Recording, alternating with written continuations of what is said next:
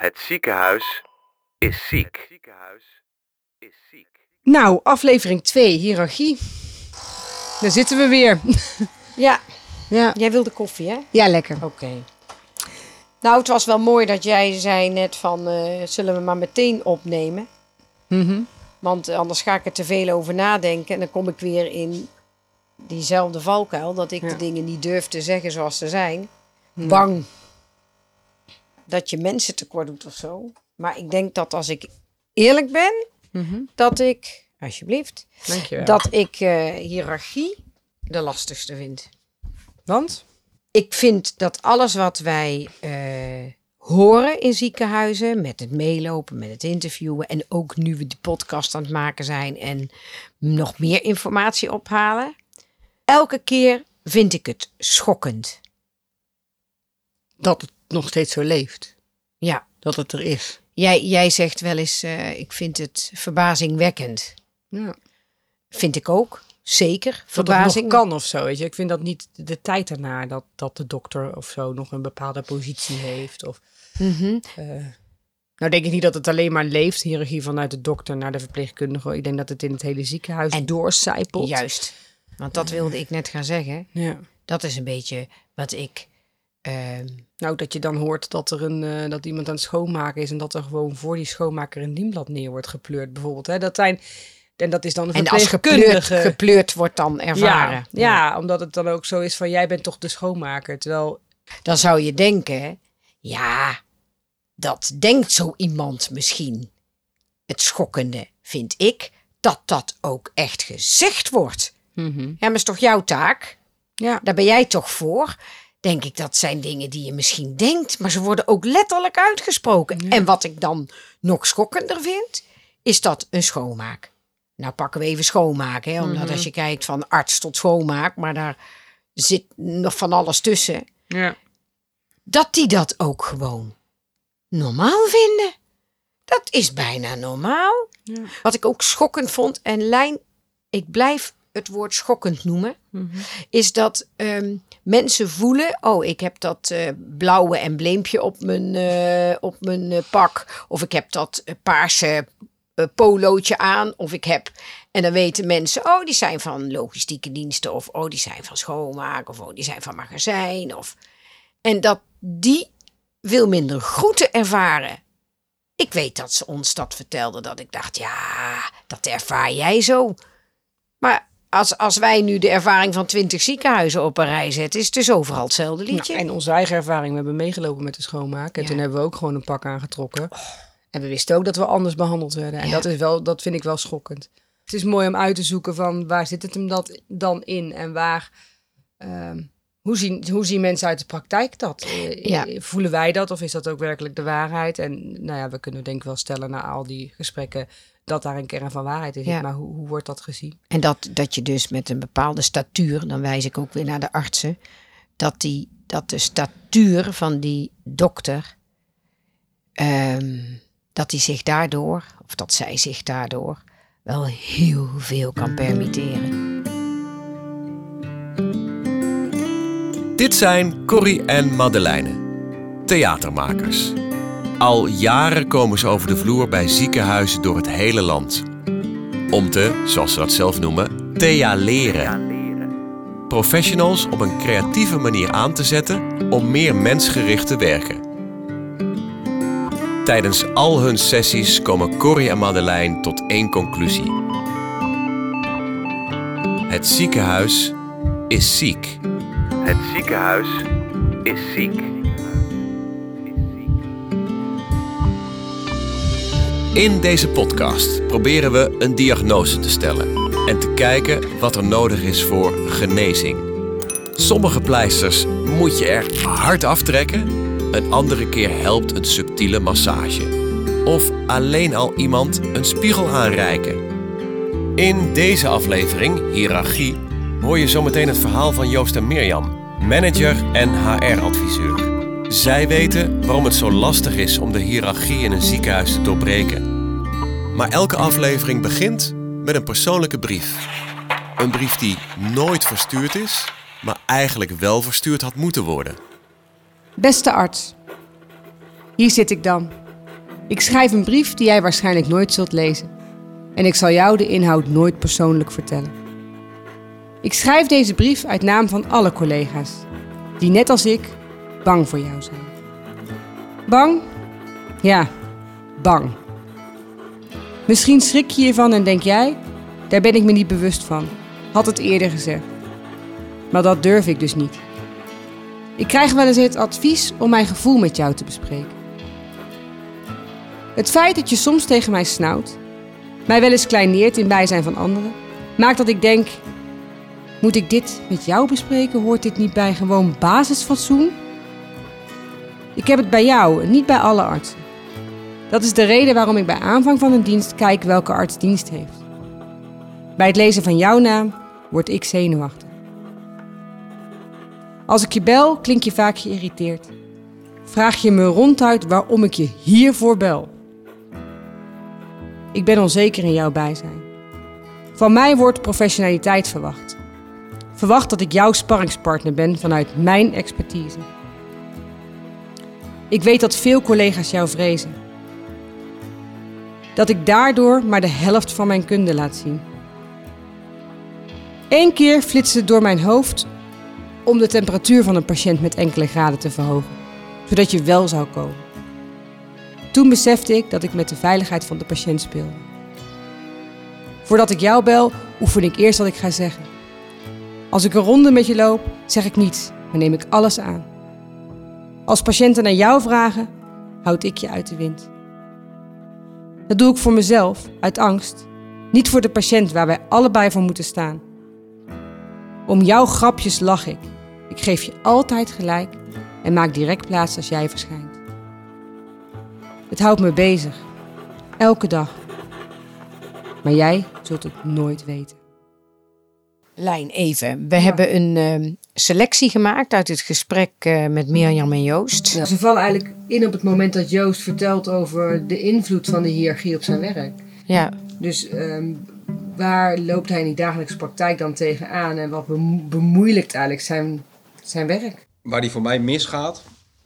En dat is ook terugkijken natuurlijk, hè, want in eerste instantie focus je heel erg op je eigen afdeling. En ga je, hè, probeer je daar te bouwen en probeer je daar te veranderen. Maar waar je heel snel tegenaan loopt is dat je eigenlijk in twee werelden leeft. De, de wereld van het ziekenhuis en die een ontwikkeling nastreeft. En die ontwikkeling is vaak ook eh, het reduceren van kosten, efficiëntie. En de wereld van een specialist die zijn eigen toko, zijn eigen winkeltje zo goed mogelijk wil draaien. En je komt in die werelden en, en daar zit die strijd, omdat je uiteindelijk je vertrekpunt op het hoogste niveau tussen een college van bestuur en eh, de coöperatie van de medisch specialisten niet hetzelfde vertrekpunt hebben gekozen. Die hebben niet dezelfde visie, die hebben niet dezelfde keuze als het gaat om waar gaan wij ons op richten. Want de ene zit heel erg op geld verdienen en de andere zit op geld besparen. En op het moment dat je daar een verschil van inzicht hebt en kwaliteit van zorg daar niet uiteindelijk zeg maar het bovenliggende gesprek is en welke keuzes maak je daar dan in, dan ga je daar die duidelijkheid richting die organisatie niet geven. En dan betekent ook dat je op het moment dat je daarmee aan de slag moet, als manager of als teamleider of als polyassistent, altijd in een andere, eh, vanuit een andere invalshoek je werk aan het doen bent dan dat er vanuit de andere kant gevraagd wordt vanuit die medisch specialist die daar ook weer rondloopt. En daarom heb je daar continu strijd. En ben je ook niet aan het bouwen in gezamenlijkheid om tot een beter proces te komen, een efficiënter proces te komen, het verminderen van lichtdagen, het verminderen van polybezoeken. Want uiteindelijk is aan de andere kant de, het belang om zoveel mogelijk productie te draaien. Want dat be- nou ja, eh, zorgt uiteindelijk zeg maar, het geld wat er richting die specialistengroep gaat. Maar is het dan, als we dat zwart-wit zeggen, is er dan een gebrek aan intrinsieke motivatie vanuit de specialist om te kijken waar die verbinding tot stand komt? Is dit een invulling?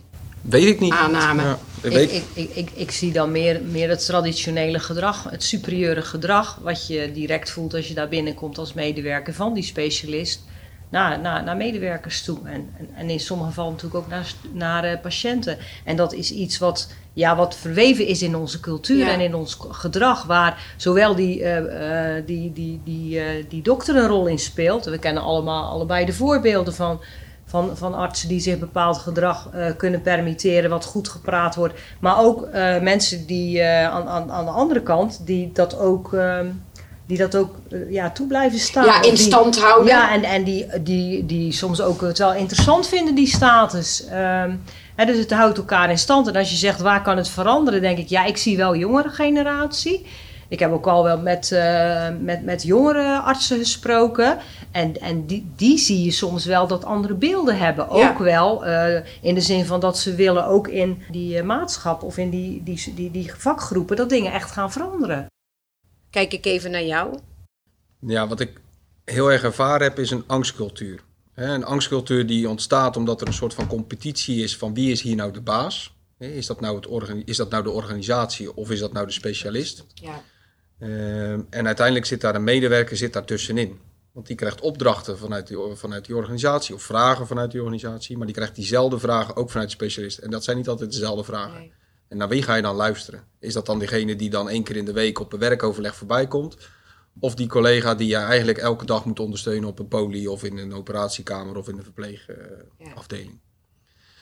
Ehm, en de manier van communiceren, en dat is iets wat ik eh, me heel erg is opgevallen bij heel veel hoogopgeleide mensen, die op een manier communiceren ja, waar ik echt van mijn stoel afviel Ja. toen ik dat voor de eerste keer ervaar. Ehm, eh, met name gewoon heel dreigend, heel erg op de persoon gericht, ehm, niet goed onderbouwd. ehm, en met name dingen gewoon proberen af te dwingen. En op het moment dat je dat doet als specialist richting een manager, die nou ja, wat dat betreft vrij ver van je afstaat, maar ook een bepaalde positie heeft in een organisatie, ehm, dan weet ik zeker, en daar ken ik ook genoeg voorbeelden van, dat dat ook gewoon richting medewerkers gebeurt. En dat mensen daar gewoon op een gegeven moment gewoon dusdanig gewoon bang van zijn en hun mond niet meer open doen. En, En- en, zoveel angst krijgen ook in het werk en fouten gaan maken, hè?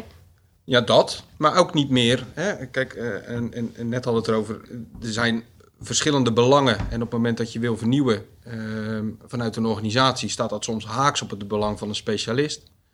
Maar die houding die er dan, of die relatie die er onderling is, dat zorgt voor, eigenlijk voor een stop. Want mensen zijn bang om uiteindelijk af te wijken van hetgeen wat er Ja. gevraagd wordt eh, eh, vanuit die specialist. En dat is niet alleen op medewerkerniveau, dat is ook op teamleiderniveau, en dat is ook op, op, op, op managerniveau. Ja. En ik durf zelfs te zeggen dat het ook op CVB-niveau is. Dat mensen op een gegeven moment gewoon gegijzeld worden door de macht en de rol die een specialist of een coöperatie in zijn geheel heeft ten opzichte van een ziekenhuis. Want eh, linksom of rechtsom, ik heb het wel eens gezegd, eigenlijk is het gewoon een uitzendbureau waarbij je gewoon diensten inhuurt. Maar zonder die medisch specialist kan je niet werken. Dus je hebt ze nodig. Dus er zit gewoon een, eigenlijk een, een, een machtsverhouding tussen die ervoor zorgt dat je op het moment dat je met je rug tegen de muur staat of gezet wordt, dat het heel lastig om je rug dan recht te houden en te zeggen we gaan het toch doen. Want dan buigen er heel veel en die gaan dan vervolgens mee met nou ja, de, de dwang die er is vanuit die medisch specialistische eh, groep. Da- daarmee zeg je eigenlijk dat de specialist toch wel vaak wint, hè? Vanuit de statuur, vanuit ja, onze een ervaring simpel ook. voorbeeld. Een, een bepaalde verandering die we wilden doorvoeren op de poli zorgde ervoor dat een aantal specialisten niet, eh, nou, niet helemaal tevreden waren met het, eh, het, het plan wat er, wat er lag. En vervolgens werd ik s'avonds om tien uur gebeld van nou, als jij dit doorvoert de volgende dag, dan doe ik, kom ik niet naar mijn operatie. Hè, en dan ga jij die patiënten maar afbellen. Ja, dan kan je geen nee meer zeggen. En op het moment dat ik zeg van nou weet je, zoek het uit. En eh, we gaan gewoon door. Nou, de kans dat hij er niet is, die is aanwezig. En dan eh, komt een college van bestuur. Ja. Als die al niet aan de andere kant via een zijspoor al geïnformeerd Ja. zijn en ook een druk Ja. gaan uitvoeren. Ja, Dus er zit altijd een bepaalde druk en eh, een, een, een, een misbruik ook van de positie die ze hebben. Misbruik de positie die ze hebben ten opzichte van de patiënt. Misbruik die ze hebben ten opzichte van de positie van de organisatie. ja, Nou ja, kijk, wie durft er nog een spiegel voor te houden? Op het moment dat er iets gebeurt waarvan je zegt van ja, ja is dat nou zo vriendelijk? Of Ja. hebben we dit nou zo handig georganiseerd? Of is het nou zo fijn als iemand 40 minuten moet wachten, terwijl eigenlijk zijn afspraak om 4 uur was en om kwart voor vijf zit hij er nou nog? Oh, En je weet dat de reactie hè, ehm, eh, er eentje is waar mensen vervolgens bang van zijn, hè, of geschoffeerd worden, hè, of eh, op de een of andere manier overspannen van raken dan gaat op een gegeven moment, als, als dat zeg maar de teneur is op een afdeling of in een ziekenhuis, of eh, hoe breed je hem ook wil trekken, dan gaan mensen niet meer die spiegel voorhouden. Dus dan raakt het uiteindelijk, hè, als je geen feedback meer kan geven, raakt het direct uiteindelijk die, die, die patiënt. ja, Want die patiënt die is er de dupe van op het moment dat die, hè, die, die specialist altijd, weet ik veel, vijf minuten eh, langer over zijn afspraak doet. eh, en dat, dat mag niet tegen hem gezegd worden. Hè? Of zijn polyraster mag niet aangepast worden. ja. Ehm, En die polymedewerker zich dan in allerlei bochten moet wringen. Ja. En loyaal blijft aan de specialist of geacht wordt loyaal te blijven. Klopt. En dan misschien op enig moment, en dat snap ik ook heel goed, hoe, hoe jammer ik het ook vind om te zeggen, ook een bepaalde gelatenheid heeft. En daarmee ook eigenlijk eenzelfde houding gaat aannemen Ja. richting een patiënt. Ja. Kijk, je hebt een afhankelijkheid als patiënt. Dus een patiënt zal niet zo snel feedback geven. En een medewerker zal het ook niet zo snel Nee. doen. Omdat daar gewoon een machtsverhouding zit en een afhankelijkheid zit. Ga jij tegen een specialist zeggen op het moment dat je hartproblemen hebt van... Goh, nou, ik, ik, vind, ik moest lang wachten. Of heb, hebben zijn die onderzoeken nou allemaal nodig? Of nou, ik krijg deze mix aan eh, medicatie. Mensen gaan uit van dat die, mensen, dat die, die specialist een bepaalde kennis heeft. Dat die uiteindelijk ook juiste keuzes maakt. Maar op het moment dat je daar ook kritisch op gaat zijn... Ja, in hoeverre ben je er dan ook mee bezig als je dat gaat doen? Van gaat mij dat uiteindelijk raken? In die zin blijft die specialist dan het beste met mij voor hebben. En het is misschien een hele gekke gedachte. Maar ik kan me heel goed voorstellen als je in een hele afhankelijke positie zit. Dat je dan misschien wat langer op je lip bijt. En maar eh, eh, met de verwachting dat het dan wel goed komt. Dan dat je misschien niet in die afhankelijke positie zit. Ja. Voor deze aflevering over hiërarchie gaan we kort terug naar Wim uit aflevering 1. Want die vertelde nog iets over de OK. De deuren zwieren open als je op de OK komt en die sluiten zich achter je en dan, dan stap je een wereld binnen die niemand kent. Wat moet ik me daarbij voorstellen, Wim? Het is een totaal andere wereld. Artsen staan in een totaal andere eh, verhouding tot bijvoorbeeld polypersoneel, ander verpleegkundigen enzovoorts. Het is een. ehm, het is vergelijkbaar bijvoorbeeld met de intensive care ook. Het is altijd achter gesloten deuren. Het is een andere wereld ehm, eh, waar, ehm, eh, waar de verhoudingen anders liggen, waar dokters zeggen van oh, geen denken aan, ik moet geen mannelijke operatieassistent, ik wil alleen twee vrouwen vandaag. En dan, oké, die dokter moet opereren en ja, dan willigen we dat misschien soms toch in, die wensen. Maar ook zijn er, zijn er de mensen op OK, de operatieassistentes, moet ik net zo goed zeggen, die, die enorm eh, kikken op het feit dat zij tegen dokter Jansen, dat zij dan eh, Rutger zeggen. Oh, zo, eh, eh, fijn weekend gehad, Rutger, en dit en dat. En dan alsmaar, eh, en dan met name ook de mensen, want het zijn van die, van die nuances, die dat, als dan buiten de OK-complex, als zij die dokter zien, dat ze dan met verheffing van stem ook die naam, die voornaam noemen. Nou, zitten we dan met 32 graden. Hitte. Oh. De ventilator staat aan, maar ik bedenk me nu. Misschien is het voor de kwaliteit van het geluid beter dat je hem afzet. Nou, Doe dan, maar. eh, gaan we gewoon eh, zweten. Zo. Rust. Nu zal denk ik het zweet wel over de rug lopen. Maar als ik dan kijk naar de aflevering die we nu gemaakt hebben. Hiërarchie zit erop. Eh, loopt bij mij het zweet wel van de rug als ik denk wat er allemaal in deze aflevering gezegd is. Er is al heel veel gezegd. Ik denk dat heel veel dingen die wij in de jaren hebben meegemaakt en gehoord hebben, dat die ook wel teruggekomen zijn. Ja, ja, ja. indrukwekkend wel. Nou ja, gek dat het nog steeds zo, eh, zo aanwezig is. Ja, Dat is gek. Ja, en, en de voorbeelden die allemaal al genoemd zijn, die hoeven wij niet te herhalen. Maar er is me toch wel één ding wat me eh, ook bijgebleven is van de laatste interviews. Dat ehm, een verpleegkundige.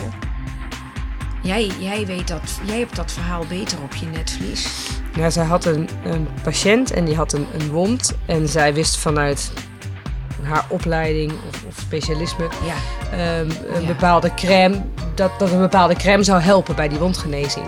En zij eh, vraagt aan de arts eigenlijk even om een recept. Want die moest dat dan wel voorschrijven. tubetje. Het tubetje, ja, nou dat heeft ze geweten. Waar ze zich wel niet mee bemoeide. En, eh, en elke keer als ze voorbij liep werd gezegd... Oh, ben je, weer, ben je er weer met je tubetje? Ja, ja dat was super denigrerend. Ja. zij heeft er ook echt verdriet van gehad. Dus die, die arts is voor haar nu ook iemand waar ze toch wel met een boog omheen loopt. Ja.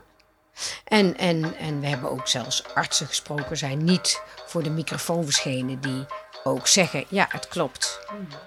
Ik snauw wel eens, ja. En waarom snauw je dan? vroeg ik aan één zo'n dokter. En zegt Ja, ja, onder werkdruk. En toen zei ik: Ja, maar ook omdat je het je kan permitteren. Toen zei hij: Ja, dat klopt. Dat vond ik wel mooi, vond ik wel heel eerlijk, maar ik vond het ook heel, eh, heel stuitend. Bleek achteraf wel de leukste arts van het ziekenhuis te Ja, zijn. dat was, was gewoon een liefje. Ja. En ook omdat hij het zo bekende en ook een beetje en zich ook schaamde. Dat wilde hij helemaal niet. Nee. En laten we eerlijk wezen, er zijn maar weinig mensen die een arts ook feedback durven geven. Dus dat zijn ze helemaal niet gewend. Want als je het wel geeft, dan denk ik dat dat helemaal zo eh, verkeerd niet valt. Dat dat heel veel goeds op zou kunnen leveren. Nou ja, het werd ook wel gezegd door, eh, door Mirjam van wat een, een arts kan die statuur hebben, Ja. maar hij kan hem ook krijgen. Hè? In Ja. hoeverre wordt er iets van gezegd? Ja.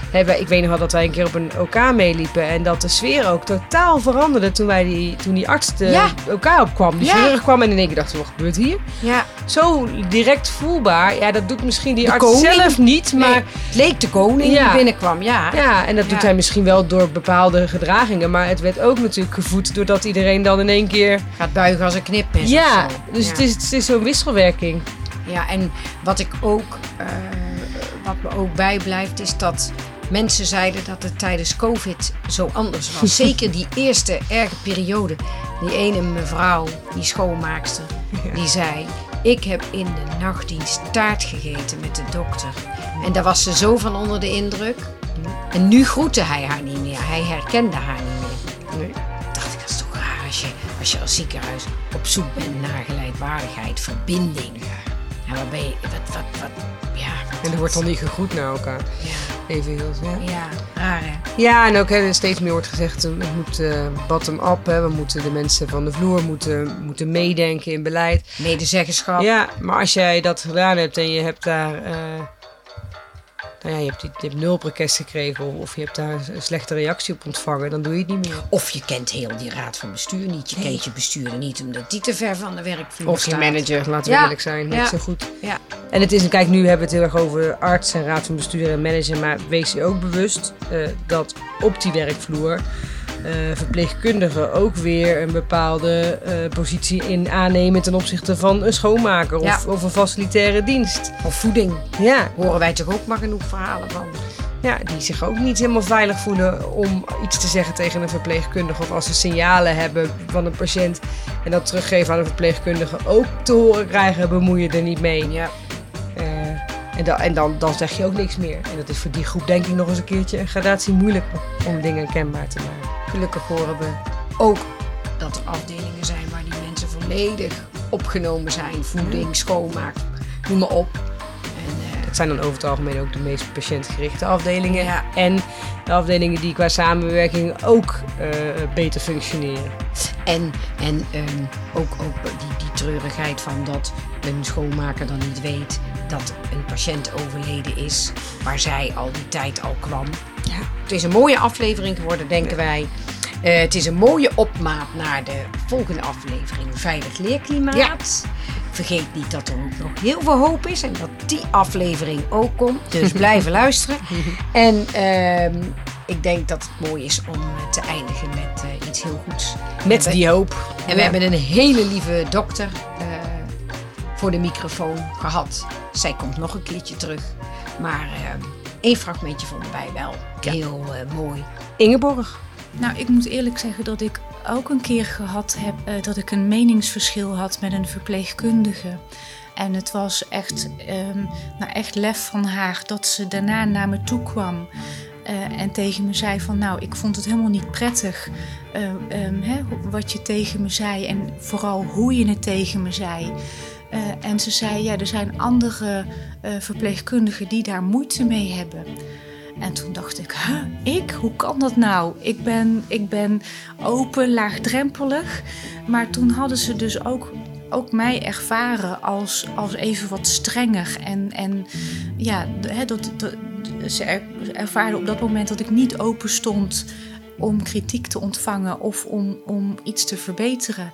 Uh, en het was echt wel lef van haar uh, dat, ze, dat ze daarmee naar me toe kwam. En nou, daar schrok ik wel van. En daarna ben ik, als ik dan visite ging lopen op de afdeling, dacht ik: Oh ja, ik, ik heb net iets tegen die verpleegkundige gezegd. Maar hoe heb ik het tegen haar gezegd? Kwam ik nou heel erg streng over of niet? En dan um, ja, ben ik er meer op gaan letten. Um, en heel, ik moet eerlijk zeggen, heel soms gebeurt het nog hoor. Als ik het echt heel druk heb. Um, uh, of ik zit ook nog met andere dingen in mijn hoofd. Dat ik denk, oh, ik moet dat of dat of dat nog doen. Of die patiënt is heel ziek. En, en ik maak me ongerust om die patiënt. En je moet snel handelen. Dan gebeurt het af en toe nog wel eens inderdaad dat je ineens heel streng overkomt. Dat je heel kort iets zegt tegen die verpleegkundige, terwijl dat helemaal niet zo bedoeld is. Maar ik, ik let er nu op, want ik ben erop aangesproken. En, um, um, en dan, als het gebeurt, dan zeg ik ook, oh ja, sorry hoor, maar um, ja, het is gewoon eventjes in de serieusheid van de situatie dat ik nu zo reageer. Maar het is niet, niet op, op jou zelf. En dit was de tweede aflevering.